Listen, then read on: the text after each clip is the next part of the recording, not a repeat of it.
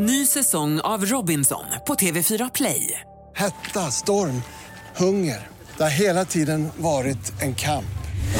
Nu är det blod och tårar. Fan händer just nu. Det. är Detta är inte okej. Robinson 2024, nu fucking kör vi!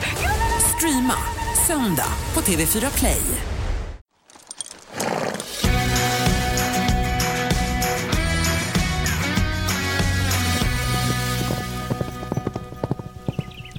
Välkommen till ett nytt avsnitt av Ridklubben-podden. Becka, vi Ja. får DMs från lyssnare som säger när kommer det nya avsnitt? Ska de behöva be om att få nya avsnitt, undrar man. Jag vet. Nej, egentligen inte.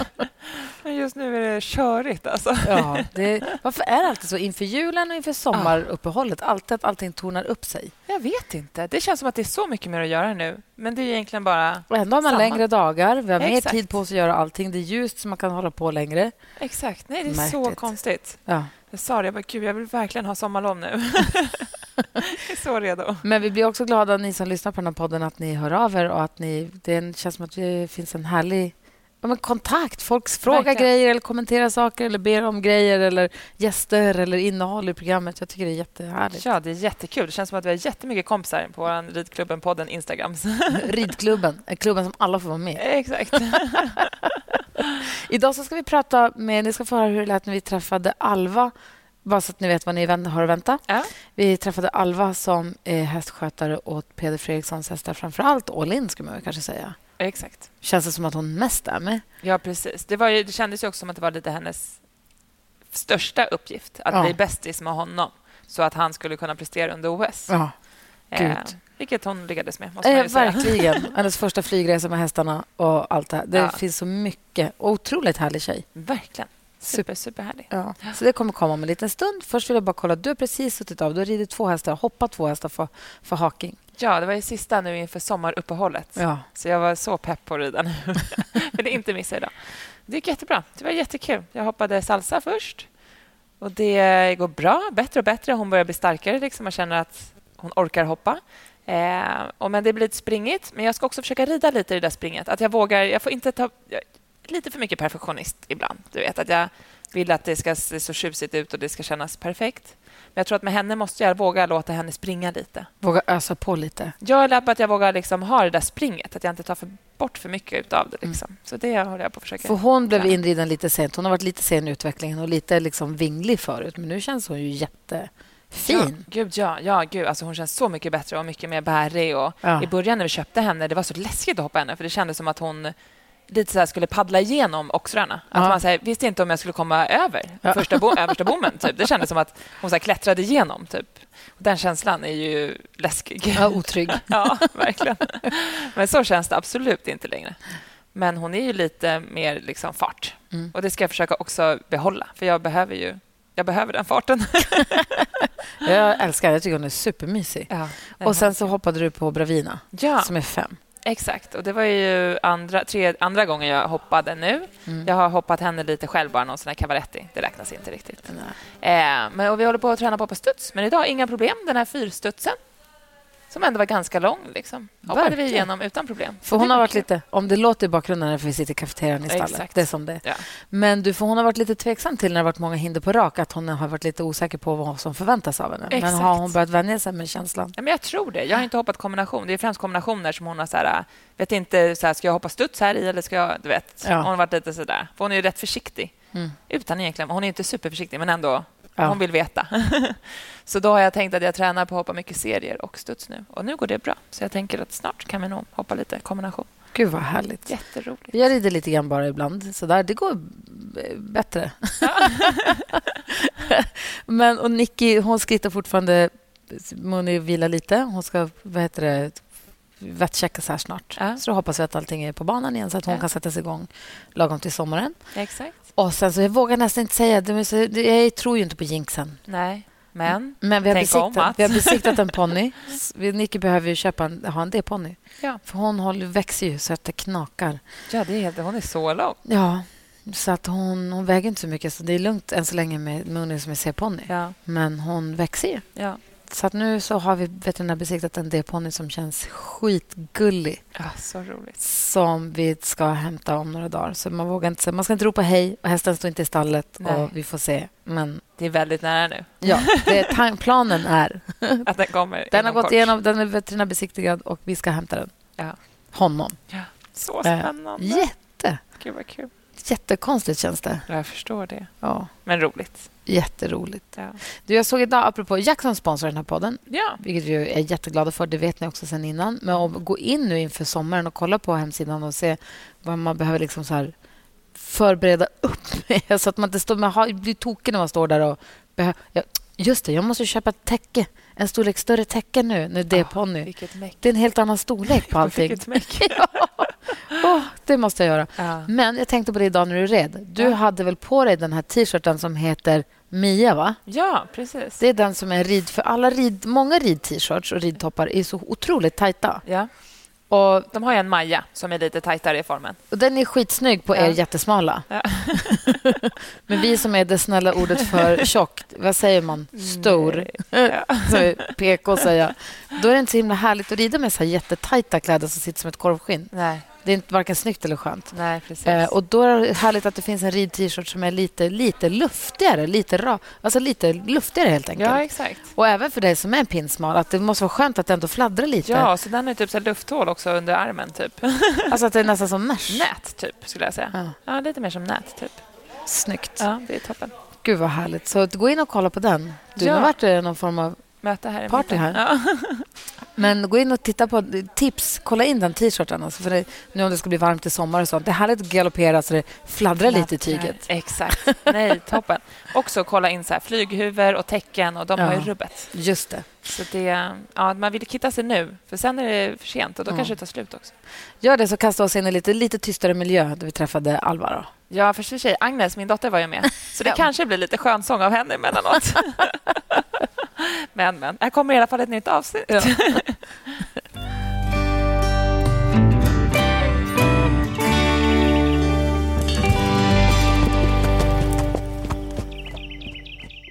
Då har vi slagit oss ner med en kopp kaffe här. Hej, hur är läget? Det är bra. Bra! Ja, Vad roligt att du ville gästa Ridklubben-podden.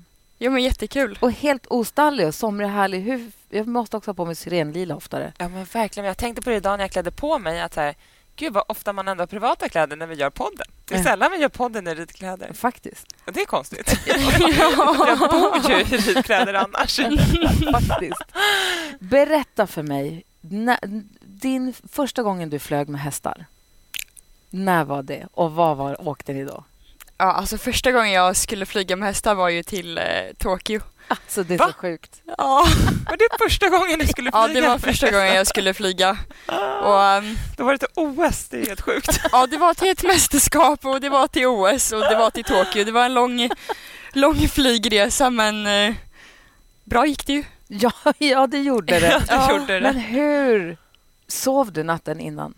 Nej, alltså jag sov så dåligt eh, veckorna innan ungefär så. Men eh, ja, när vi skulle flyga med hästarna då därifrån Aachen och, eller från eh, Liège. Vi åkte ju från Aachen där de stod i eh, karantän. Och till Aachen åkte ni lastbil? eller? Ja, Och lastbil då till... kör du själv? Ja. ja. Hur många hästar har du med då? då hade jag eh, två hästar. Det var Ermindo och eh, Allan. Mm. Och sen så åkte Eddie och eh, Indy i den andra lastbilen. Eh, så vi hade två lastbilar då från Team Sverige liksom, Mm. som åkte till eh, eh, flygplatsen i Liège. Eh, och när vi kom fram där, alltså jag var väldigt nervös liksom redan innan. Jag visste liksom inte hur det gick till att flyga med hästar.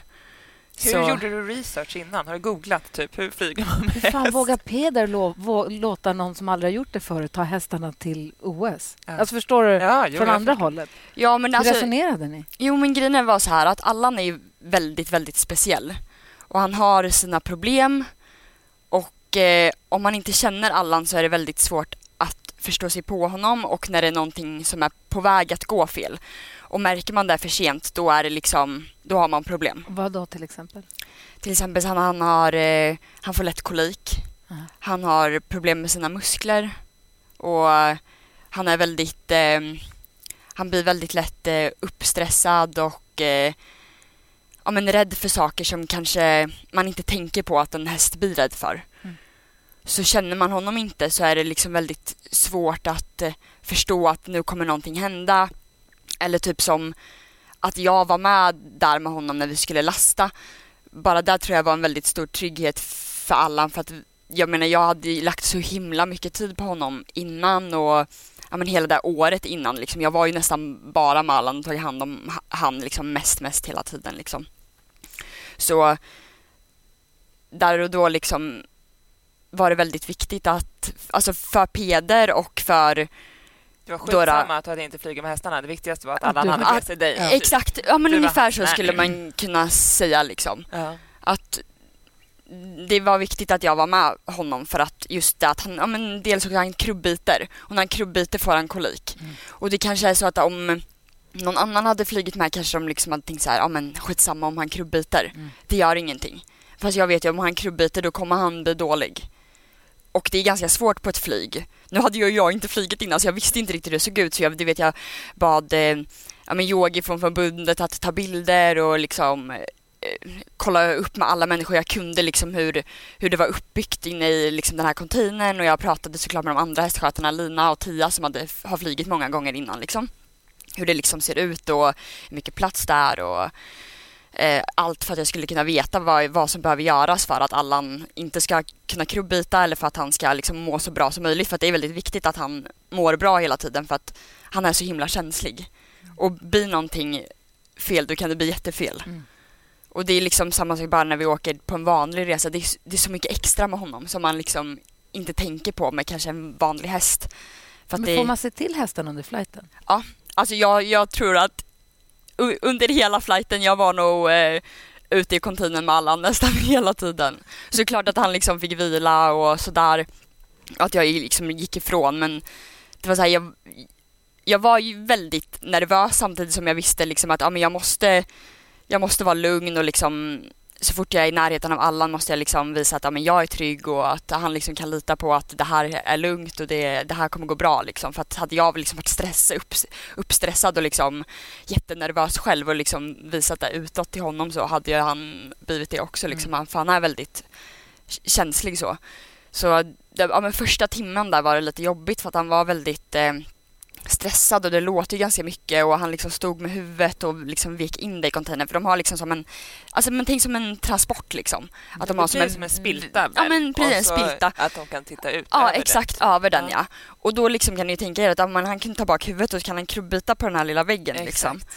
Eh, så att vi fick, eh, jag fick prata med dem ifrån, eh, ja men som Piden då som anordnar med själva flyget och säga att ja men vi behöver nog liksom ändra om för att han står inte bra här och han det funkar liksom inte. Så vi fick göra som en liten box till honom. Så vi fick öppna upp väggen. Det vart lite krångligt att liksom ta sig in och ut och mat, liksom ge mat och vatten för att då blir det liksom som en, en avlång liten box liksom, Ja. istället för en, en spilta. Och där är det höga väggar Ja, runt om, exakt. så att de inte kan hälsa på grannen bredvid. Nej, de och- ser och- inte ens hästarna bredvid, eller? Jo, det kan de göra. Man kan dra fram en headboard om man vill. Okej. Men, eh, men eh, ja, Allan åkte ju med Erminder i hingsten så att vi hade headboarden på liksom så de stod som i en, alltså två De små boxar. Exakt, exakt. rummet. Och grejen var den att det var också lite nervöst med att vi behövde öppna upp för Allan för att Erminder stod ju bredvid. Ja. Och när man öppnar upp för ena hästen måste man upp, öppna upp för andra hästen så båda står på småbox. Ah, Och Erminder hade ju aldrig flugit innan. Så det var lite så här, ja Oh, men wow. det, det gällde för mig liksom där och Vilken då. häst ska vi vaska? Så det, var liksom för mig där och då jag bara, nu gäller det att, vad är bäst Ta här nu liksom? Ta rätt beslut Alva. Det är liksom, Men var du själv med båda de hästarna eller hade Ermindo med sig sin hästskötare också? nej jag var själv med hela svenska. Du hade alla fyra hästarna? Ja precis. Typ. Okej. Sen så, sen så var det liksom Och Allan som man vill stå och hålla i hela tiden? Ja, men det var det också. Tia och Lina hade liksom pratat eh, med eh, Emma som jobbar för Steve. Ja. Eh, och sagt liksom så här, ja men eh, Steve Gerda? ja, heter precis. eh, att, eh, så hon eh, kollade till också Eddie och Indy lite för att jag, Och hon har flugit med hästar och hon har flugit med hästar innan och det var det som var så skönt liksom. Jag kände ändå att, att det fanns ju folk att fråga. härligt att ni hjälps åt eh, mellan liksom konkurrent. Ja, ja men verkligen. Och det, Tia och Lina känner ju henne jättebra. Liksom. Jag, jag kände ju, jag har ju inte- liksom inte jobbat med det här så länge så att jag när jag gick runt där i Aachen i karantänen så kändes det liksom som att det var jag, en liten flicka typ som går runt med min lilla ponny, långhårig, med tofflor på fötterna liksom. runt omkring där och alla kollade på mig som om det liksom var så här, åh herregud. För det var alltså, det var det som var så... Kände du dig som ett ufo? Ja, jag, li, lite så liksom. För att det var så himla många som kom fram till mig i, i Aachen och även första veckan i Tokyo. För att vi, jag var ju i Aachen med både Charlie och eh, Allan. Eh, och eh, Charlie hade gjort väldigt, väldigt bra resultat hela våren. Liksom. Han hade vunnit, vi vann alla klasser i Saint-Tropez, vi eh, kom tvåa i... Och Charlie är den ni kallar Catch, som heter Catch Me Not, ja. Han som exakt. gick EM. Exakt. Mm. Vi hade vunnit eh, eh, alla klasserna där i Saint-Tropez och sen så han vann laget och en stor klass i Stockholm och han eh, han, Så han kom tvåa i ja, men nationshoppningen Ja. där i Rotterdam. Så det var liksom så här, ja, men många trodde väl att han skulle ta Charlie då till OS liksom. Så eh, när han väl bestämde sig för att eh, ta Allan så var det så himla många som kom fram till mig och bara Gud vad tänker han med? Ska han verkligen ta Allan? Det känns liksom... Eh, För då var han ganska nyopererad också, va? Eller? nej, När opererades Allan? Var det, Ja, en, det- var det hans största mästerskap efter operationen? Eller hade han gått någonting? oj det där jag, jag jobbade inte på Speder när han fick, eller när han gjorde operationen. Okej. Så, Jag för mig att det ändå var lite så här... äh, men det var väl EM? Ja, det kanske var Ja, EM, EM som han vann där. Okej, det var innan där. Just det. Ja, så vart han ju dålig där veckan innan EM och så, Precis. sen så gick han och så vann han Men så EM. då gick folk och ifrågasatte det? Ja, så det var många hos som kom fram till mig och sa liksom så här att eh, Gud varför tar han Allan? Det här är helt sjukt, vad tänker han med? Liksom så här. Och du vet så här, för mig, så för mig var det liksom så här, jag och Peder hade jobbat så himla länge med liksom alla detaljer och allting för att Allan skulle komma i liksom den bästa formen någonsin. Så jag hoppades ju verkligen att han skulle ta Allan, även fast jag visste att ja, men det, kommer bli, det kommer bli tufft och det är mycket som liksom hänger på mig, att han ska må bra och att allt ska gå rätt till, liksom att han ska vara i liksom bästa möjliga skick för att kunna prestera på topp. Liksom. Men så mycket som vi hade liksom jobbat för hela det här året, att han liksom skulle komma i form, så var det liksom för mig var det så självklart att ja, men jag hoppades verkligen på att han skulle ta Allan. Sen Kände du på det att det skulle gå bra? Om han tog Allan så visste du att han var i bra Ja, alltså det är så roligt för att jag, gå eh, rätt. Jag har en eh, bild på min telefon Ja. eh, som jag, eh, ja det var på Snap, jag har sparat den så, så här, ja men två veckor innan vi ja, men åkte till OS, det var en vecka innan karantänen så hade jag lite så här ångest. Jag kunde inte sova på natten och så var det så här att, ja men du vet jag tänkte på alla papper för så mycket pappersarbete och du vet alla coronatest och Ja men all- allt med att liksom Allan skulle vara liksom, han, vad kommer hända om han liksom står planet hela tiden och krubbigt. Jag vet inte hur det ser ut på planet, hur kommer det gå att lasta honom? För att hans hästskötare innan hade sagt till mig att ja, men han är jättesvår att lasta och då måste vi ge han droger och får han droger så får han kolik av droger. Så det var liksom så här, vet, Ah, jag tänkte på allt där liksom. Ja. Jag bara, alltså det enda jag vill är att han liksom ska gå på planet utan att behöva någon sedering. Då känns det som att då kommer det börja bra liksom. Men då har jag en bild när jag skriver så här bara, eh, jag skrev och så sparade jag den för jag tänkte bara, ja men så skrev jag så här att, ja men det är klart vi kommer, eh, vi kommer vinna för att hela det här året har liksom än så länge gått så bra. Första, första Globalsen jag var med på, vi vann. Första nationshoppningen jag var med på, ja, vi kom tvåa. Och du vet, allt sånt där. Första Grand Prix jag gjorde helt själv utan att någon annan var med, då vann vi. Och det var liksom så här, så jag skrev det bara, ja men det är klart vi vinner mitt första mästerskap också. Och det är så kul att jag skrev det liksom. Som ett peptalk till dig Ja, själv. som ett peptalk till mig själv och så liksom hände det. Ja.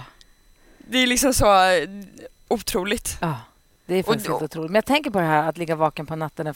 Jag låg vaken här om natten för jag började fundera på om jag hade haft ansvar för att ta in tre hästar från hagen i stall, vårt stall. Ja. Alltså det Ja. räcker ju med, bara man har minsta lilla ansvar som man börjar så här ifrågasätta. Att, Exakt. för jag vaknade och var så här, fuck, ska jag ha tagit in de där tre hästarna? Eller bara, hängde jag grimman på boxen? Ja. Precis så. Och stängde jag regn- Hängde boxdörren. fram ett regntäcke. Ja, alltså det kan ju exakt. hålla en vaken. Ja. Eller som när vi åkte till Gotland, vi åkte till Sylve med två hästar. Och skulle åka färja första åka gången. färja tre timmar till Gotland. Det var bara, "Åh, hur ska det här bli? Ja. Och vad måste vi göra? Och vad ska vi tänka på? Måste vi åka på, ska vi åka en egen fil eller hur, när får man titta till hästarna? Och vi, du vill ju åka egentligen hela tiden, vara nere hos hästarna hela Ja. tiden. Man, och det är liksom upphöjt i, ja men ganska, Ja, då ska du åka till ditt första OS. Det är liksom så... uh, Och som du säger, alla papper och det måste vara så mycket som du ska lära dig. Ja.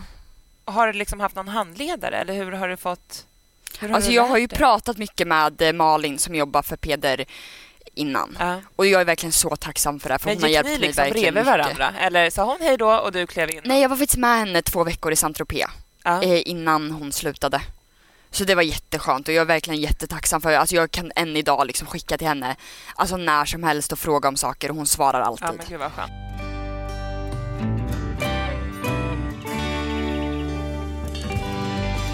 Nej, men du säger att Allan är så speciell som häst. För Jag tänker på det, den här första dokumentären om All In, hästen som hoppar som han hade vingar, eller vad hette den? Ja. Då är det på någon tävling när Peder står och så sen till Lisen som ju ändå också tävlat OS och hållit på med hästar hela sitt liv. Han säger här, håll i honom. Och hon bara, nej, jag tänker inte hålla honom.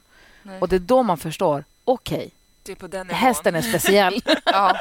Nej, För men, hon är ändå liksom inte någon rookie heller. nej, men han, han är verkligen alltså, jättespeciell. Ja, Det känns också så Och- konstigt då när man ser att du rider ut och har honom som handhäst. Det, ja det är stämmer som, inte ihop. Nej, det är som två helt olika hästar. När man ser Lisen och bara jag tänker inte hålla den där hästen och sen kommer du där och så har Ja, honom alltså- i ett grimskaft bakom Ja. en annan häst. jag kan säga första gången Peder sa att jag skulle göra det, då tänkte jag så här oj oj oj. Han är inte klok, eller? Exakt så. Jag bara, herregud, ska jag göra det där? Sen så tänkte jag också bara, okej, men han hade inte bett mig att göra det om han inte trodde att det skulle gå bra. Nej, Jag försökte liksom tänka så. Ja. Och Lisa stod bredvid första gången jag skulle göra det och hon bara, Peder, är det här verkligen en bra idé? Och han bara, ja, ja, det går bra, jag går med liksom. Så, så han gick med mig där första gången jag skulle rida med Fläck och Allan då. Eh, och så vi red runt där och upp i någon hage och trava runt och hej och. Men det, alltså, det går ju bra. Alltså jag skulle inte göra det på tävling, det är också skillnad på han hemma Ja. och på tävling. Alltså det får man ju inte glömma bort. Hemma är han ju jättelugn. Sen är det klart att om det liksom kommer någonting oberäkneligt liksom. Att han kan bli rädd. Men det är ju absolut inte på samma nivå som det är på tävling. Nej, och tror de flesta hästar. Alltså du vet med våra Ja. hästar också. De, Ja. Det blir ju som en liten extra, ett extra batteri i hästarna på tävling. Liksom. Att Peder är tävlingsmänniska, det vet man ju. Och att han vill liksom maximera och optimera såklart. Men det är ju du också. Ja. Vi pratade lite grann på Friends på tävlingarna i vintras Mm. Om ditt tävlingssinne. Ja. Eh, och Du berättade bland annat att du hade ätit upp ett A4-papper. Vad var det? Jo men, eh, ja, alltså jag har alltid varit väldigt eh, liksom, tävlingsinriktad och liksom allting egentligen, liksom när det gäller skolan och sånt också, liksom att jag har väldigt så här att jag måste prestera hela tiden liksom. Och då var det liksom i skolan då när jag tog studenten så eh, får man ju en sån här liksom, ja men en tallrik där det står klassens på och då fick jag klassens vinnarskalle och så var motiveringen eh, för att jag åt upp ett helt A4-papper i en tävling utan pris. Men jag kom först. Jag fick inget pris men jag kom först. Frågade Peder det på din anställningsintervju om du var tävlingsinriktad? Alltså det enda han frågade mig när jag var, alltså jag kommer ihåg det här för att det var liksom så oklart. Det enda han frågade mig när jag var och provjobbade på eh, Grevlunda var om jag kunde knoppa och om jag hade tävlat själv. Jag vet inte riktigt vad det hade så jättemycket med jobbet att göra så men ja det var det han frågade mig i Men alla fall. knoppa kan du. Ja det kan jag ändå. Det kan du. Ja det sa jag. jag jo men det kan jag. Jo men knoppa kan jag. Men för du hade jobbat som, hos Emma Emanuelsson innan, Ja. som groom Mm. också. Och var det ditt första jobb som groom? Eller hur? Ja, det var det. Så jag började hos Emma direkt efter eh, studenten. Ja. Eh, gjorde jag. Så var jag där i två år. Ja, nästan två år. Jag slutade i, eh, i juni och började i juli, så det var ju ja, ja, nästan två år. Ehm, så där var jag. Då var tanken liksom med i början att jag ville rida mer. För att jag hade egna hästar och haft det liksom hela livet. Och jag var liksom väldigt inställd på att ja, men jag, vill, jag vill rida mycket. Liksom. Men sen Du så... känns ju som en hårt arbetande tjej. Att, för jag läste någonstans att du eh, gick ju gymnasiet, du hade tre egna hästar och jobbade som ridlärare. Ja. Och jag bara känner så här, jag jobbar inte ens heltid, har tre hästar och, Och jobbar också som ridlärare. Det är ju Jag jobbar också samma. Ja, det är samma. jag får knappt ihop det. Nej, men det är samma. Nej, det, var, det var ganska mycket, men min mamma, jag är också väldigt tacksam mamma hjälpte mig ganska mycket, du vet med själva stallsysslorna och Ja. min bästa kompis Elin, hon hjälpte mig också väldigt mycket liksom med allt det här på marken. Så att jag, och sen hade jag två unghästar så att ett tag hade jag ja, men en ponny, Mynta som jag liksom tävlade mycket med och så hade jag två unga hästar så jag hade fyra, fyra hästar och så pluggade på natur och eh, hade ridlektioner två gånger i veckan. Det var tufft men det gick. Jag hade inte så mycket liksom, fritid. Nej. Men jag liksom, jag gick i skolan och allt sånt där, jag liksom var verkligen bara fokuserad på stallet och skolan. Det är ju det är liksom inget jag direkt ångrar att jag inte liksom spenderade mycket tid med mina kompisar och var ute och festade mycket eller liksom något Provade sånt du sluta rida någon gång? Nej. Nej, jag provade en sommar och slutade rida två veckor. Nej, det var I inte ens en sommar. veckor. Jo, men alltså för det, det kanske var typ maj, så vi gick Ah. fortfarande i skolan och så skulle jag prova att inte rida. Och så bara så här, jag bara, vad gör vi efter skolan? Typ. Jag tänkte jag ska göra som alla andra gör. Mm. De bara, nej men vi åker hem, tittar på serier, pluggar lite, äter mat, typ. Ja. Så jag gjorde det i två veckor och sen bara, fy pupplan vad det här är tråkigt. Men det är Ja. som eh, Nina också sa, radiomakers, kommer Ja. När hon också hade en hästfri tid. Ja, Hon sa, nu har vi fikat. Nu har vi fikat i en månad. Vad gör vi sen? exakt. Jag Kaffe kan vi dricka. Exakt. Nej, alltså det var inte min grej. Så då började jag rida igen. Ja. Men det blir som en livsstil. Ja, men det blir man levt så här hela livet och är van att vara i stallet mycket Ja, jag vet liksom inte vad jag skulle göra om jag inte skulle vara i stallet. Liksom. Det känns så långt borta. Nej, men exakt. Och så tror jag att man uppskattar dagarna så mycket när man har, typ som du har idag, kanske Ja, en stallfri dag och man gör någonting annat. Då Verkligen. uppskattar man det så himla mycket och tar verkligen vara på den tiden. Ja, samtidigt som jag känner så här bara, åh gud, hur mår Allan där hemma? Klarar han sig utan mig? Vem ger han godis? Bo, vad, hur långt bort från stallet bor du? eh, en minut, Ja, okej. perfekt. gångavstånd. Ja, okej. Gångavstånd, du bor utanför. De har Jag bor utanför utanför gården. Allans box. Exakt. Jag bor på gården. Ja, men Ja, I en lägenhet. det är super. Ja, Gud vad härligt. Det är som en jätteskönt där. Men då när du började jobba på Grevlunda, Ja. vad, då var planen liksom OS direkt? Alltså, Började du ett år innan OS? Eller hur? ja, jag, jag började i juni gjorde jag. Ja. Eh, och då gick ju Allan bara in hagel och var tjock liksom Ja. och lerig. Ja. Och ville inte komma in ifrån den hagen. Eh, och, Alltså, det är fan nästan en dealbreaker nu när vi letar ponny. Oh. Den ska gå och hämta in från hagen. Fast det gör de oftast om man blir kompis med dem. Tror jag. Alltså, Alltså ja, om man blir, ja, godis funkar ofta. Nej men Allan är väldigt så att han, han är svår att fånga i hagen. Typ Peder ibland får inte in honom och Alltså hämta i hagen och lasta. jag såg Två också. viktiga saker ja, på min lasta. checklist. Det är, Alltså, åh. nästan lika viktigt som att kunna rida på dem. Ja, Alltså. alltså lasta känns Ja, viktigare lasta än hagen. viktigt. Alltså, hagen är inte omöjligt. Alltså, kanske om det står, går en stor, stor gräshage. Att det Alltså, jag älskar Nickis ponny, alltså Mooney. Hon är fantastisk. Och våra, alltså, så alla våra hästar är ju otroliga. Neo kan vara svår för att han, han är så elektrisk och jag med så jag råkar igenom stötar ibland så då när jag kommer då bara rör mig inte, rör mig inte. Jag bara, men snälla bara följ med mig då. Kom bara. ja. Ja, För vad sa du? han är svår att hämta i, alltså, sa du? ja, han kan vara, alltså i början när jag började på Grevlunda där så liksom kände inte Allan mig och jag kände inte honom. Då var det svårt. Ja. Det var Hur inte gjorde du lätt. då, då för att få, liksom, kunna finna honom från Nej, men jag stod där i hagen med godis och han kom fram till mig, tog godisen och sen skyggade han direkt, vet, backa bak Ja. så här, bara, nej ta inte i mig. Och jag stod kvar där och fortsatte ge lite godis. Du vet när han kom fram, istället för att liksom försöka fånga han direkt, liksom, lite. gå och- runt, klappa honom, se till att han liksom blir lugn och fattar att jag inte ska göra något dumt mot honom eller att jag vill liksom bara hämta in honom och vi ska bara gå in i stallet och han ska bara få bli borstad eller han ska bara byta till en annan hage för att då gick de på dagarna i en stor gräshage och på natten i hans vanliga hage med lilla huset. Ja. Eh, så att det var liksom så jag fick göra och sen nu är det ju absolut inga problem att hämta honom. Nu är det nästan så att han liksom, jag brukar alltid ropa på honom Allan när jag ska liksom hämta in honom. Då brukar han alltid gnägga lite för att han vet att jag har godis med till honom. Vad var det du skulle fråga? Ja, för jag såg också på Grevlundas Instagram tror jag att det var någon som försökte hämta in sparven och hon ville inte heller Nej komma men in. hon är värre. Är hon. Ja. Ston också, de går inte lika lätt att muta med Nej, godis. det är där. De går inte lika Nej. lätt att muta.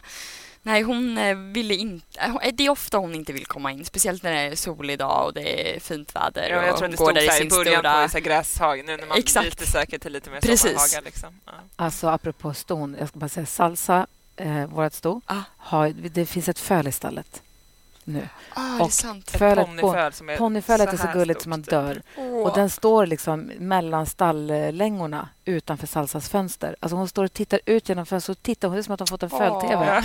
Jag tog in henne till... Föl-TV. Alltså, hon bara står och tittar på det där fölet hela tiden. Hon var helt fascinerad. Och så jäkla gulligt. Den låg och sov häromdagen. Hon bara stod och tittade på den. Så, så söt. Gud vad gulligt. Ja, det är gulligt.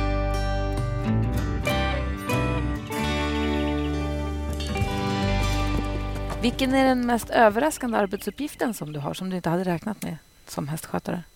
Oj. Jag måste säga liksom alla, allt pappersarbete Mm. som jag liksom inte hade någon koll på innan. Och det är så himla mycket. Som man liksom... Ja, jag hade verkligen inte koll på det innan jag började jobba hos Pe- Peder, hur mycket det är att göra inför typ en flygtävling och, och liksom hela den, den biten. Eh, att det är så mycket att hålla koll på och så mycket som att det är blodprover som ska skickas in och svabbtest och Har du en checklista nu liksom, som du går efter eller kan du det i huvudet? Nej, alltså jag kan det i huvudet men jag har ju också alltid något att falla tillbaka till och liksom dubbelkolla så att jag har allt. För att till exempel som man ska åka ja, men till Tokyo då så hade vi ju liksom väldigt tydliga ja men det här behövs, det här behövs. Jag Och det kunde ju kanske är alltid... skillnad också om man ska åka till Tokyo eller Ja, en ja, ja. internationell tävling i Ja, typ Tyskland. och sen, eller typ som när vi var i Saudiarabien då, då var det ju lite samma liksom att det behövs blodprover och Ja. men då får man ju liksom väldigt tydliga ja, instruktioner ändå från liksom själva tävlingen vad som behövs. Så nu känner jag ju ändå att nu har jag ju väldigt mycket bättre koll på allting än vad jag hade för ett år sedan liksom. Ja. Sen hur mycket, ni packar ju mer utrustning och allt sånt när Mm. ni flyger med hästarna. Mm. Men foder och sånt, har ni med det? Eller köper man foder på plats? Och hur funkar det om man har en känslig häst som Allan Det till är exempel? många kilo när Ja. man är borta så länge. Ja, alltså ska jag åka till Sundbyholm en helg med tre hästar, det var ju typ så här 180 kilo hö. Ja, exakt. Det är mycket hö som ska med. Och det är där, så fort vi åker med alla någonstans så har han ju alltid sitt egna hö med sig. Så det som var bra till Tokyo, när vi liksom, det är klart vi kan inte frakta med vårt egna hö då. Eh, så att då fick vi Tokyos hö hemskickat till oss innan. Så vi kunde Ah. Eh, mixa lite. ja, mixa. Så att han vande sig vid, vid det höet. Men är det enklare att skicka Tokyos hö till Skåne än att ha skickat Skånes hö till Tokyo? Du, jag har faktiskt ingen aning. Jag funderar också på det där. Men det var verkligen exakt samma hö. Så jag vet inte om det... jag, jag har Ja. ingen aning. Nej, men så var det Eller om det är. Tokyo som har liksom... Kanske är svårt att skicka in grejer Ja. i Tokyo för att man, det är så mycket papper och grejer. Ja, det liksom. ja, och då kände Peder och dem att det är bättre att vi måste få höet. Ja, så det var skull, förbundet liksom. som fixade det så att alla häst, Sveriges hästar som skulle till OS hade det här höet innan. Så jättebra. Och sen Kraft eh, fraktade vi dit. Ja. Eh, hans, Hans andra liksom, Ja. grov kraftfoder. hans kraftfoder. Ja. Det fraktades dit. Eh, så det var där allting som man behövde. Var det några hästar som var jättenervösa på planet? Eller som det var, har man en veterinär med sig som kan ge Mm, hästarna vi- lugnande ja. om de freakar Mm, ut? veterinär har man alltid med. Eh, så det var med. Eh, och alltså det var ju, alltså jag hade ju mest koll på Sveriges hästar liksom. Ja, och, jag tänker man borde höra om det är några som blir ja, nej det "Wow, var det faktiskt kul", lugnt. typ. Det var faktiskt, nej det var jättelugnt var det. Ja. Det var absolut, det var, det var två hästar var det som stod långt fram som var lite hispiga. Men de fick... Är det där också om man vill åka långt fram eller långt bak? Finns det något där? För som Nej, det bru- passagerare så Nej, vill det man brukar ju vara inte liksom- sitta långt bak, eller hur? Nej, Eh, längre fram är mindre turbulens Just i det. planet. Mm, det brukar vara hingstar för att man får tänka så. Hingstar och ston kan ju inte stå nära varandra. Så det är hingst, hingstar, vallacker, ston liksom. Så att det är ju En uppdelat. vallackmur. Va, Exakt. ja, så... Ja, Så men då har man ändå en veterinär på plats som Ja. ger hästarna lugnande om dem. Ja. Och sen kan jag tänka mig också nu när de åkte till OS så är ju säkert hästarna vana. Alltså förstå, det här är ju världens bästa hästar som åker som förmodligen har flygit mycket innan. Liksom. Ja, alltså som- Allan har ju bara flugit en gång innan och det var ju till, eh, till eh, Rio. Är Så det att han-? Inte Miami och sånt? Inte varit där? Nej. Ja, du ser. Ja. Men nu när ni var till exempel i Saint-Tropez Mm. och då är det en tävlingshelg. Ja. Hur lång tid tar en tävlingshelg i Saint-Tropez i anspråk? Du menar med resa och Ja, allting? alltså hur lång tid När tar börjar den tävlingsdagen för Exakt. dig och Allan? Liksom? Ja, då började den som nu då när vi åkte till Saint-Tropez. Då åkte vi på lördag natten. Var framme på tisdagen. Det var besiktning på onsdagen. Och sen så var det sista tävlingen var på lördagen denna gången. Så att då åkte vi på tidigt, tidigt eh, på söndag morgon. Och sen var vi hemma tisdag morgon. Så det är lite drygt en vecka då? Ja, så En, en vecka nästan. och tre dagar. Ja. Och då åker du och Allan själva. Peder är inte med er Nej, på stoppen utan ni möter honom i Saint Tropez då. Ja. Och då rastar du Allan och tar hand om honom. ja precis. Och Rider du honom då eller Ja, leder man bara eh, eller hur gör man? Jobbar man ehm, hästarna under resan? det är lite olika. Vi är väldigt så, vi är liksom individanpassade. Ja. För att eh, alla hästarna behöver ju liksom olika. Och vissa hästar behöver ju kanske vila mer än andra och någon behöver röra sig mer än någon annan.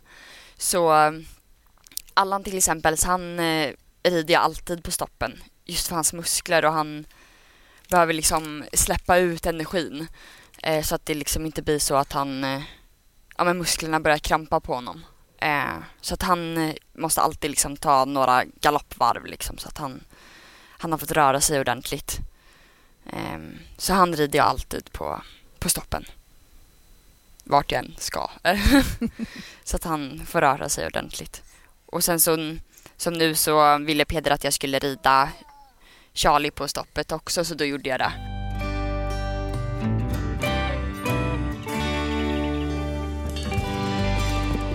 Men hur lång tid tog det innan du vågade liksom börja rida på Allan från att du började jobba på Grevlunda och började liksom umgås med honom?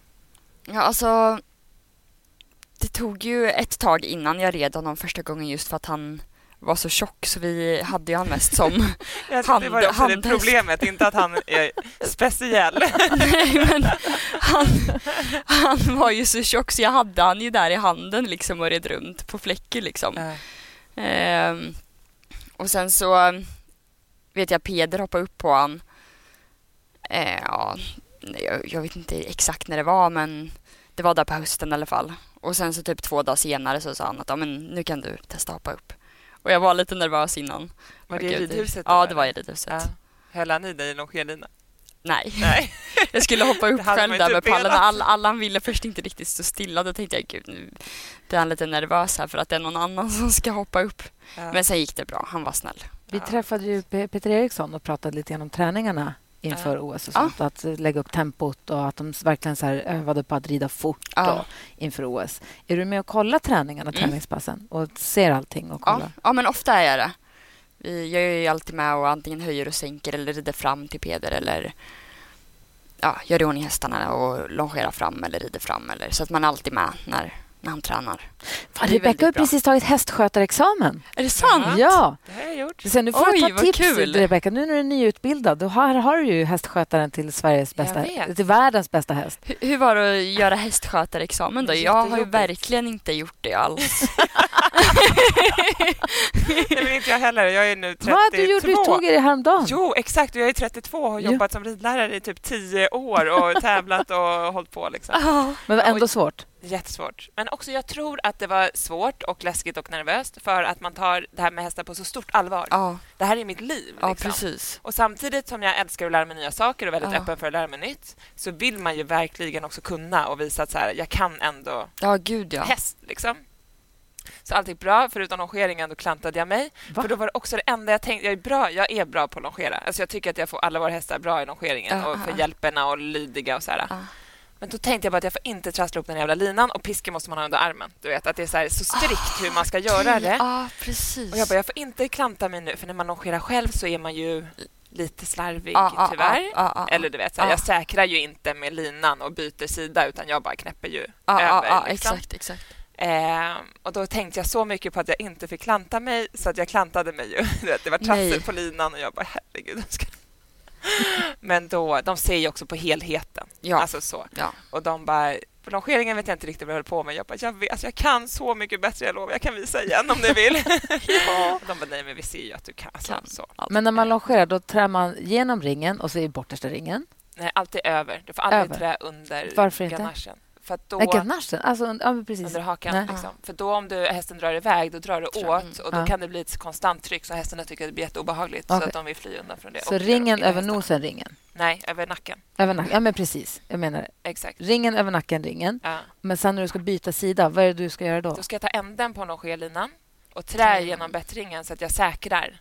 Och när jag släpper av då, så att den inte är lös. Är du med? Och så Mm. byter jag sida och då kan jag släppa ut den säkerhetsanordningen jag har gjort.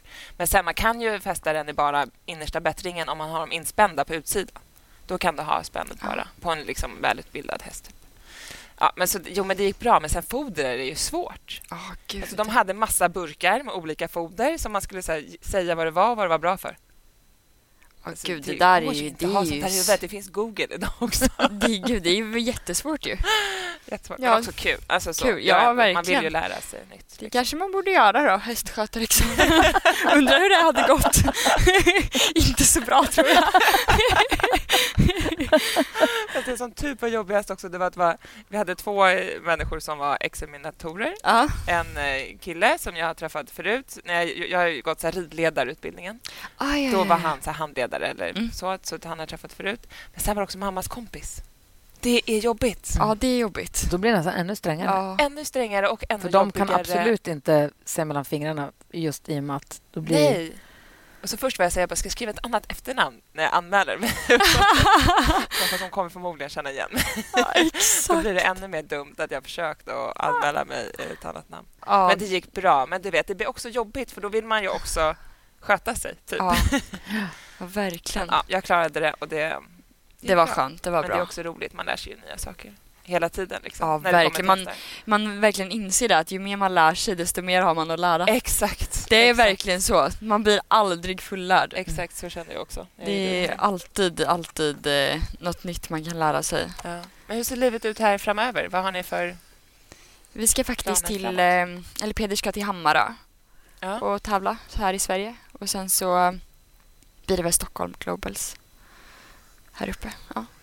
Så det är väl de närmsta planerna. Sen får vi se vilken häst det blir till VM. Precis, och det är i Danmark i augusti. Ja. Ja, exakt. Början av augusti Just det. i Härning. Så det är inte lika långt som Tokyo. Nej. vi ska inte behöva gå in i något plan den här gången. Nej, gud vad spännande. Men också, jag är, förvånad över att han bara har flugit en gång innan Allan, innan ni åkte till OS. Ja, jag tror bara att han har flygit en gång och det var till, eh, till OS i, i Rio. Och ändå så Och gjorde han det så lugnt. Man själv är ju lite nervös och det skumpar Ja, i flyget alltså- och det är konstigt. Liksom. Ja, han var ju lite stressad liksom. Vi hade bollar i öronen och hej och men det var där när jag skulle lasta honom var jag lite nervös för jag vet ju att förra gången han flög så fick de ju ge han sedering och han blir ju dålig av sedering. Så jag var lite nervös där innan för att alla hade sagt att han var så jobbig att lasta men vi, vi gav han tid och sen så gick han på. Det gick bra. Ja, det gick bra. Jag kommer ihåg jag var så glad liksom när han gick på och vi inte behövde ge han någonting för att då kände jag så här, okej men allting har börjat bra. Nu, känns, nu kan det bara liksom, nu kan det bara gå bra liksom. Ja. Och jag skickade en bild på mig och Allan när vi var i containern till Peder och bara Han är på nu och vi behövde inte ge någon sedering och liksom så det var, det var lugnade ändå mig också väldigt mycket att då började allt väldigt bra liksom. ja, det förstår jag. Vad heter det? Men hur gör ni med hans krubbitning för att han inte ska krubbita så mycket? För jag tänker att det är många hästar som krubbiter. Det är ett projekt. Det är ett projekt. Ja. Okej. Och hur ser det projektet ut? jag har med mig när jag åker på tävling. Allan behöver nästan en helt egen lastbil med alla saker han har med sig. För det är galler och bubbelplast och träväggar och, Träväggar? ja, och det ena med det tredje. Så att eh, när jag kommer, jag är Ja, väldigt... egna boxväggar till tävlingarna. Ja, vi har med oss och vi kan sätta upp Ja. så att det blir helt plant. Så Ja, när man är i Frankrike är det väldigt bra boxar för då är det liksom ja, men plast som är liksom helt slätt. Men typ som i Stockholm, i Sverige brukar det inte vara så bra boxar för då är det så här en kant som går längst med och så är det mycket galler och han får ju tag i galler så då måste jag liksom sätta upp och täcka hela boxen. Ja. Och ja, det är inte alltid helt enkelt. Men eh, ja, nu när jag har gjort det eh, ja, i snart två, ja, ett och ett halvt år blir det ett år. Han har inte tävlat jättemycket. Hemma har han ju sin, sin box liksom. Så ett år nu då så har man ju kommit på fler och fler idéer hur man ska göra för att det inte ska bli några kanter i boxen. Och är det därför han vill ha honom mycket ute i den här hagen med Ja. det här lilla huset i? Ja. För att där krubbiter han inte? Nej. Det är härligt. Och så ska man nog tänka om man har hästar som har någon Allan är ute verkligen hela dagarna. Ja, att då kan man oftast kanske förändra deras beteende genom att byta miljö eller tänka lite utanför boxen. Liksom. Men verkligen. Vad skulle du säga för tips om det är någon som lyssnar nu som själv har en skötare till sin häst? Hur kan man som hästägare eller ryttare då vara en bra, äg, eh, liksom bra coach eller arbetsledare vad man ska säga, till sin skötare eller groom? Ja, till sin skötare. Jag skulle säga att man liksom alltid har en bra dialog. Det tycker jag och Peder och Madde då som jag också jobbar med tillsammans med Peder, vi liksom alltid diskuterar allt och har en öppen dialog om hur hästarna är och hur de känns och om det är någonting liksom vi tycker kanske behöver ändras eller om det är något Peder tycker som behöver ändras så vi liksom alltid diskutera det för att hästarna ska må så, så bra som möjligt. Och sen även att eh, Peder är liksom väldigt brydd både mot oss människor och hästarna och det tycker jag är väldigt viktigt. Att man inte liksom, för att det är många tror jag liksom där ute för att man hör mycket att det att sin ryttare liksom kan vara otrevlig och liksom inte uppskatta jobbet man gör. Men Peder är liksom väldigt noga med att alltid säga att man ja, men liksom gör ett bra jobb och man känner verkligen att, att det man gör betyder någonting liksom och att det verkligen bidrar eller vad man ska mm. säga och det tror jag är att väldigt viktigt. Att man delar framgången. Ja exakt och jag tror att det är väldigt viktigt för att man liksom, för att det är ett hårt jobb och det är slitsamt och det är inte alltid enkelt för det är, det är mycket att hålla koll på och man själv har liksom lite prestationsångest för man liksom vill att det ska gå bra, man vill att allt ska bli rätt och då tror jag att det är väldigt viktigt att man också får kanske den lite den bekräftelsen att man liksom när man tänker åt rätt håll att man också får veta att man gör det. Mm. Så att det liksom ja, men så att man liksom får någon form av bekräftelse att det man gör faktiskt också är, är bra. Hur funkar det där? Du behöver inte svara om du inte vill, men jag är nyfiken. Hur får du, eller generellt hur det funkar som, om man är groom, en del av teamet. Har man en fast lön eller får man också en kickback på om han vinner? pengar? Får man en procent? Alltså får man en del av framgångarna? Alltså får man bonus Nej. på framgång? Nej. Nej, vi har inte Nej. så. Det var ju lite synd. Hade varit bra förra året. jag tänker som en motiv motivator för att man ska ja. vilja göra... Jag vet Faktiskt, inte. det är inte helt dumt. Nej, det hade ju faktiskt det varit... Det borde du ja, Det får bli så. Några procent. Exakt. Var tionde bil. Eller hur? Precis Exakt. så. Exakt, var tionde bil. Ja. Nej, det hade ju faktiskt varit, eh, varit bra. Nej, vi har faktiskt en fast, fast lön. Ja. Men alltså, jag tycker också så här att man får uppleva så mycket och liksom vara del av något liksom, typ som nu när jag liksom jobbar hos Peder, att det är liksom få uppleva så himla mycket och bara det tycker jag liksom är fantastiskt. Sen kanske inte är något jag vill göra hela livet. Ni vet att jag, för då kanske man vill ha ett jobb där det liksom är mycket bättre betalt och hela den biten liksom. Men eh, Alltså just nu är det liksom, jag tycker att det är fantastiskt att få vara med om allting ja. vi får och liksom resa runt världen med, med där man tycker är allra roligast. Det är liksom fantastiskt. Har du något knep du kan lära ut till våra lyssnare? Jag vet att när vi vi hade en knoppningstävling mellan dig och eh, Lina. Lina. Lina ja. Precis. Då skulle säga klara, färdiga, knoppa. Då bara tjoffar de in tio gummisnoddar i munnen båda två. Och så börjar de knoppa. Jag bara, vad gör de? Det visste jag inte till att börja med. Brukar du ha gummisnoddar i munnen? Eh, nej, jag brukar trä dem på ett finger typ. Samma. Ja. Nej men alltså det är så bra att ha dem i munnen. Alltså jag bara säger det. ja, jag har alltid snoddarna i munnen. För då liksom behöver man inte pilla med fingrarna och hålla på. Då liksom flätar man, tar snodden från munnen och så bara tjup, tjup, klart. Mm. För det var någonting ni båda gjorde helt självklart. Jag bara, vad gjorde du nu? vad gör ni nu? ja, nej, men det... det är tydligen så det görs. Ja. Varför har man dem i munnen? Är det för att man vill att de ska bli lite blöta, typ, eller? Nej, det är bara smidigt. Eller alltså jag vill inte att, jag vill, de behöver inte vara blöta. Det behövs liksom inte. Jag tänkte också att det var för att mjuka upp dem, att de skulle bli spänstigare på något vis. Ja, det var typ bara en praktisk plats att ha dem. Ja, jag tycker att det är väldigt praktiskt. Köpa magväska till. Ja, så här, som man har hundgodis i. Exakt. Där. Men det är så smidigt för då kan man liksom fläta och så kan man liksom redan förbereda, liksom ta ut snodden lite liksom. Så att den är redo. Och så, det låter ju helt sjukt. Det gör det faktiskt. Men då har ni alltid nya snoddar. Ni återanvänder dem inte. Nej. Nej. Det var, lät inte så bra ur miljösynpunkt kanske men eh, de går lätt sönder också. Det gör de faktiskt. Ja, det gör så det är svårt att återanvända. Är du vidskeplig? Alltså så, så, att du har maskotar som måste vara si eller så eller du måste göra någonting si eller så innan en ritt eller? Nej, alltså jag är faktiskt inte det. Skönt. Ja. Ja, väldigt. Jag tror att jag hade blivit galen om jag, ja. om jag var, var så. nej, nej, jag är faktiskt inte det alls.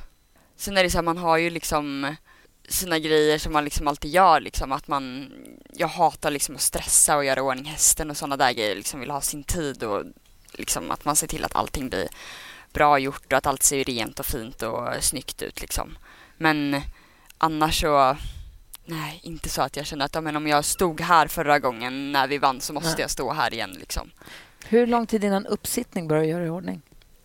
Det beror lite på om jag ska knoppa eller om jag ska tofsa eller liksom Tofsar, vad som är det att göra. man bara har tofsar som... Ja, Allan har ju alltid tofsar, han har aldrig knoppar.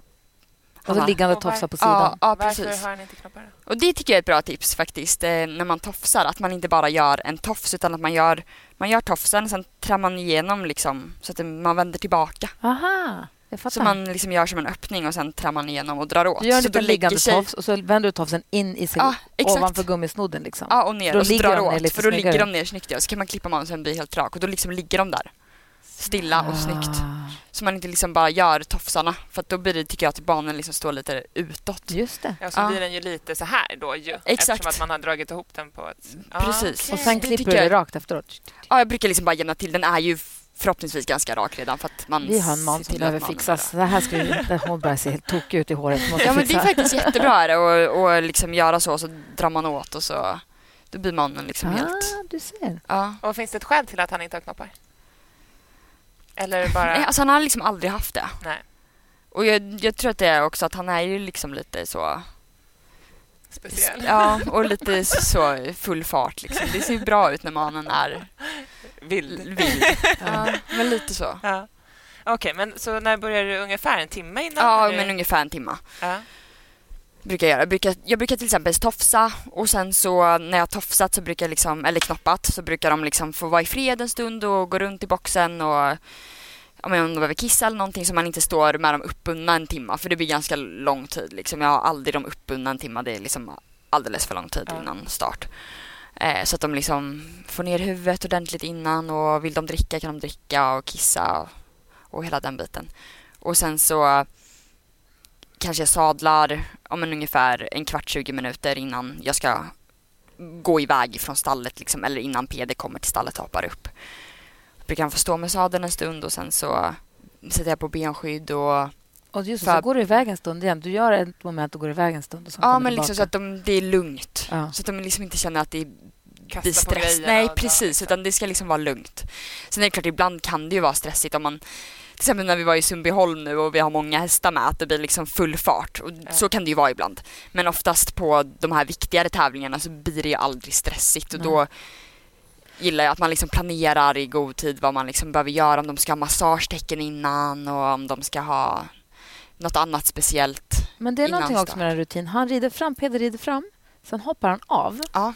och drar sadeljorden. Eller rider du lite då och så hoppar han Nej. upp igen? Eller vad är det ni Nej, gör? vi eh, alltid eh, när vi hoppar fram och Peder rider fram så brukar han rida fram. Sen så när det är ungefär 9, 8, 9 plus, vi säger alltid plus innan vi går in på banan. Det betyder att men då är det en, den som står, då ska han stå i gången. Liksom. När jag säger att det är en plus, då är det han som ska stå Ja. i gången. Då är det liksom två innan Peder ska in på banan. Ehm, så då brukar vi alltid börja hoppa när det är typ 8-9 plus. Ehm, och då gör han räcket. Och mm, sen så går vi över till oxen och då brukar han börja på den när det är ungefär 6 plus. Sen tar han ungefär den sista, ja men lite större oxen när det är 4 plus och sen så går vi till hörnet av eh, banan eller går utifrån ifrån eh, framhoppningen och så sitter han av, jag sadlar om, kanske ändrar eh, martingallen om den ska ändras och sättas i den bakre stroppen istället för den främre för att bland, när han går in på banan på vissa hästar så vill han liksom att sadeln ska då ska den liksom vara helt stilla där framme och då brukar vi liksom sätta bak eh, förbygeln. Och sen så eh, eh, ändrar vi, eh, ja men om det behöver spännas någon rem eller torkar i munnen så att allt ser rent och fint ut. Mm. Och eh, sen så hoppar han upp igen när det är ungefär två plus tills han ska in och sen när det är en Men plus. från att ni har sadlat om och spänt åt och fixat martingallen och gjort allting, då hoppar han inget mer sen, utan det är det sista Jo, som du, då, gör han. Och när, vi sadlar om, när jag sadlar om och gör allt det här, Ja. då går alltid Peder igenom banan. Ja. Och det är där han gör, det är därför han vill ha den här pausen. Liksom, för att då ska hästarna får lugna ner sig, de kommer ut ifrån banan, de hinner andas. Och Peder kör sin eh, genomgång av banan där, rider igenom den. I huvudet. I och sen huvudet, hoppar ja. han upp. Då hoppar han upp. När det är en plus, då tar vi ett sista räcke. Alltid sista räcke. Och då tar han alltid det där räcket en eller två gånger, oftast beroende på hur det känns. Eller om man vill först ha ett lågt och sen ett lite högre. i flygande fläng så att man är på på Så gång. man är på gång, ja. Ja. Och sen så går vi in på banan. Så och man så, gör det då lite enkelt kört. och lite kul för dem det sista som händer innan man går in så att de är på gång. Exakt. Har han samma rutin det här med alla hästar eller är det bara på Allan? Eller Nej, alltid samma. alltid samma? Alltid. Ja. Det är lite olika liksom så här, men vad de ska ha med sina förbyglar och martingall och liksom den biten. Så har hästarna liksom lite olika vad de behöver. Men eh, Peder har alltid samma system att han vill hoppa av, han vill gå igenom banan. Det spelar ingen roll Det där är så roligt när man är. lär sig de där små grejerna som folk håller på med. När man är på tävlingar, när Ja. man har förmånen att få på tävlingar där sådana som Peder och Malin är. När man vet de här små grejerna ska man kika lite på det. Jag tycker det är kul. Och också som när Peder, när vi pratade med honom, han sa att alltid när han kommer in på banan så har han tänkt hur han ska rida Mm. och att han alltid gör ett byte precis innan. Han, Ja. byter, han byter varv och byter galopp och Ja, sen exakt. startar han. Så att då vet hästen att nu kör vi. Ja. Då sitter, det blir roligt att sitta och kolla på. För nu, då, ja. Ja, men verkligen så. Det är annan- också kul när man vet om deras system lite Ja. och tittar på deras framridning och Mm. framhoppning och hur de faktiskt gör och hur de värmer sina hästar. Och... Nej, det är Ja, men verkligen. superintressant. Sen så nu när vi var i Saint Tropez så är ju Allan, han är ju så himla rädd för skärmar. Så var det en stor skärm precis vid eh, där man går in till banan. Och då, det var lite svårt att hoppa fram där första dagen för att han var så himla skygg för den här skärmen. Och framhoppningen är väldigt liten så då får man liksom tänka så här, men behöver vi göra oxen till ett räcke istället och ja, men passa in lite sådär. För han, han är ju lite rädd av sig Allan, för vissa grejer. Hur går det på typ eh, Stockholm när det är stor skärm på hela liksom... Bryr han sig inte om det? Är det om det Nej, är alltså jag, jag har aldrig varit med Allan i Stockholm. Men Nej. det känns som att han borde vara ganska spänd där. Jag vet att han har hoppat i Stockholm. Ja. Men, eh, och sen är det det att när han väl kommer in på banan så är det som att då är han fokuserad. Liksom. Ja. Det är värre just den här biten på framhoppningen när det är en stor, stor skärm. Liksom. Och sen är det klart att han blir mer spänd när det också är en stor skärm inne på banan också. Men då är det liksom, Visar man ettan, sen är det fokus på... ja men tror ändå. fransmännen vet att han är skygg för skärmar och så sätter de, de bara, vi sätter en stor skärmjävel på Ja, framhoppningen. Exakt. där, det tror jag de tar med, tror du inte det? Jo. Ja, nej, jag vet. Jag tror Det hade varit. Nu ska han inte få vinna Nej. här. Nu ska framhoppningen bli dålig. Men du, hur kul, apropå Saint-Tropez, Malins ritt Ja, det var Saint-Tropez, Hur otroligt. sjuk var den? Ja, det var otroligt. Ah, Så kul. wow. Wow, Det var wow, kul wow. också att det var en eh, svensk som försvarade titeln. Vi vann Ja. ju där förra året. Ja, Och så var det Malin som vann i år, så det var bra. jätteroligt. Jag Ja, den var, svenskarna är var helt, Jag har aldrig sett henne rida så. Nej, jag har alltså- sett alla hennes ritter, men jag har aldrig sett henne rida så. Nej, Det var, det var verkligen otroligt. Var det. Ja. det var jättekul. För det känns som att äh, Malin har alltid så här lite. För man Ja. vet att Indy är ofta felfri. Men hon Precis. kan ju bli så sjukt snabb. Ja. Alltså, så att Ja, det känns som verkligen. att Malin har inte vågat växla på för då vet hon inte vad som händer sen. Nej, typ. ja, exakt så. Men nu inte vad som hörde jag nu. att det var Angelica Augustsson som är svensk, hennes kille Ja, Marlon, Marlon, ja, som hade sagt till Marlon. Marlon att så här, nu gör du så här Malin, du klarar det här. Ja, Och då hade hon så vågat köra på. Så. ja, det blev ju så bra också. Alltså, Shit, vilken runda. Ja, det var otroligt. Kul. Men det känns ju samma sak med Indy, att hon är också ganska Hon är speciell. jättespeciell. men att de verkligen. verkligen har också hittat varandra nu. Liksom. Gud ja. Min dotter Agnes som sjunger här. Alla, Allan och. Inni har ju, har ju eh, samma pappa, Kashmir. Så att eh, de är ju lite lika på det viset. De är rädda för olika grejer men de är ju båda lite av den hispigare typen när någonting eh, inte går deras väg. Nej, precis. För Indy verkar inte heller vara jättekul i stallet och sånt. har man ju fått höra. han gillar inte barn. Nej, exakt. Nej. Man kanske tar en omväg om man går förbi hennes box. Nej, Indy. Hon är att gosig. Okej. När hon vet att man har godis med sig kanske. Ja, exakt, det är det där godiset. Gud vad härligt. Så nu ska du ha några dagar i Stockholm, hästfritt för första gången i Stockholm på hur länge? Ja, det, jag, det var väl typ när jag var i skolan här på något eh, så här, eh, ja, museum typ. Nej, jag vet inte. Nej, Det var länge sedan jag var i Stockholm och bara var i Gå Stockholm. på stan och käka glass och ha på sig vanliga kläder. Ja. Trevligt. Det- Härligt ju. Ja, det kan ju vara trevligt. Det kan ju Några vara dagar. trevligt. Några dagar. Men du längtar ändå efter alla. Ja, alltid. alltid. Gud vad härligt. Men du, lycka till framåt. Lycka till på stadion. Tack Vi så kommer vara mycket. där och heja. Ja, det kommer Ja, men vad roligt. Ja. Eh, och sen får vi se hur det blir på VM då. Ja, det får vi se. Ja, Det blir spännande. men oavsett vilken häst som åker så lycka till. Tack så mycket. Ja, gud vad roligt att få prata med dig. Verkligen. Ja, det var jättekul att få vara här. Ja.